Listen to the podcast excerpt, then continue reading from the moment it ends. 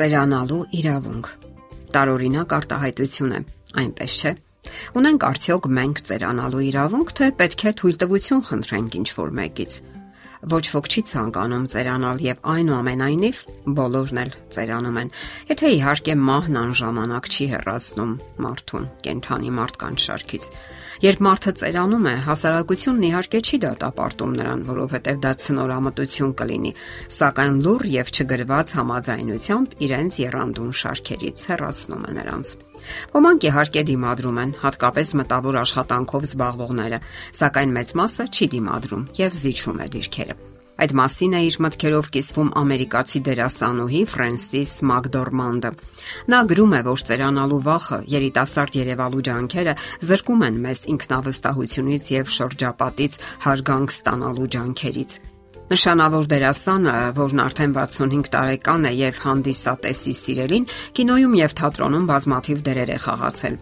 Արժանացել բազմաթիվ պարգևների եւ նույնիսկ Օսկարի մրցանակի։ Նա բազմաթիվ հարցազրույցներ է տալիս լրագրողներին եւ հաճախ շոշափում հենց այդ թեման ծերության թեման։ Նա համարցակորեն, անկեղծ եւ շատ հստակ ու ճշգրիտ շոշափում է ծերության հանդեպ վախի հարցը։ Առաջինը, ինչի վրա նա կենտրոնացնում է ուշադրությունը, մեղադրանքն է հասարակության հասցեին։ Նա ասում է, որ մարդկային ցեղը վտանգի մեջ է Հարցն այն է, որ այսօր ոչ ոք չի ցանկանում հասուն լինել, այսինքն ծերանալ։ Ոչ մեկն արժանի նպատակ չի տեսնում այն բանում, որ լինի ավելի հասուն, ավելի խելացի եւ հարուստ փորձառություններով հասարակությունը դադարել է որպես ապարքև ընդունել տարիների հետ եկող փորձառությունը։ Ինչ որ բան է կոտրվել հասարակության հոգեբանության մեջ, այն տպավորությունն է, թե 45 տարեկանից բարձր լինելը անպատշաճ է։ Դա վերաբերում է հակոստին, արտակինին, խոսքերին, կարծիքներին։ Բոլորը հակնվում են պատանիների նման, բոլորը ներկում են մազերը, բոլորը մտահոգված են, թե ինչպես ավելի հարթ մաշկ ունենան։ Դերասանուհին գրում է. Ես ոչինչ չեմ վերափոխում իմ մեջ։ Ես եւ ամուսինս Ջոելը բավականաչափ զրուցում ենք այդ թեմայի վերաբերյալ։ Ես ինձ այսպես էլ շատ հիանալի եմ զգում եւ ուղակի սարսափով ու բարկությամբ եմ նայում թե ինչ են դարձրել իրենց իմ որոշ ընկերուհիներ պլաստիկ վիրաբուժության միջոցով եւ նա իրեն անհամեմատ ավելի վստահ ու ուժեղ է զգում քան երիտասարդ տարիներին ես այն կինն եմ գրում է նա որ հպարտանում եմ իմ ձեռքբերումներով եւ կարծում եմ որ իմ դեմքն ու մարմինը արտացոլում են այդ ուժն ու վստահությունը Գաղտնիք չէ, որ խտրականություն գոյություն ունի տարիքի պատճառով, հատկապես այն հասարակություններում, որտեղ գործազրկության խնդիր կա։ Գործատուները նախընտրում են երիտասարդ աշխատակիցների բացառությամբ այն դեպքերի, երբ տարեց աշխատակիցը մասնագիտական որակներով գերազանցում է երիտասարդներին։ Ասենք որ անգամ այս դեպքերում երբեմն նկատվում է կողմնապահություն Այսօր իհարկե այնքան էլ հաճախ չեն բանավեճեր կազմակերպում այդ թեմայի վերաբերյալ, որն անվանում են ageism, այսինքն խտրականություն, կապված տարիքի հետ, եւ դա կապված է հենց արժանապատիվ ծերանալու հետ, ինչը ոչ թե առանձին մարդկանց հիմնախնդիրն է, այլ հասարակության եւ մեր քաղաքակրթության։ Գաղտնիք չէ, որ շատերն ամաչում են իրենց կնճիրներից, բայց արդյոք իմաստունի ամաչել դրա համար։ Դերասանը գրում է. Իմ դեմքը հարթ է եւ ամուր, ինչպես զսպանակը։ Նա միշտ հրաշալիորեն ծառայել է ինձ, այժմ հատկապես։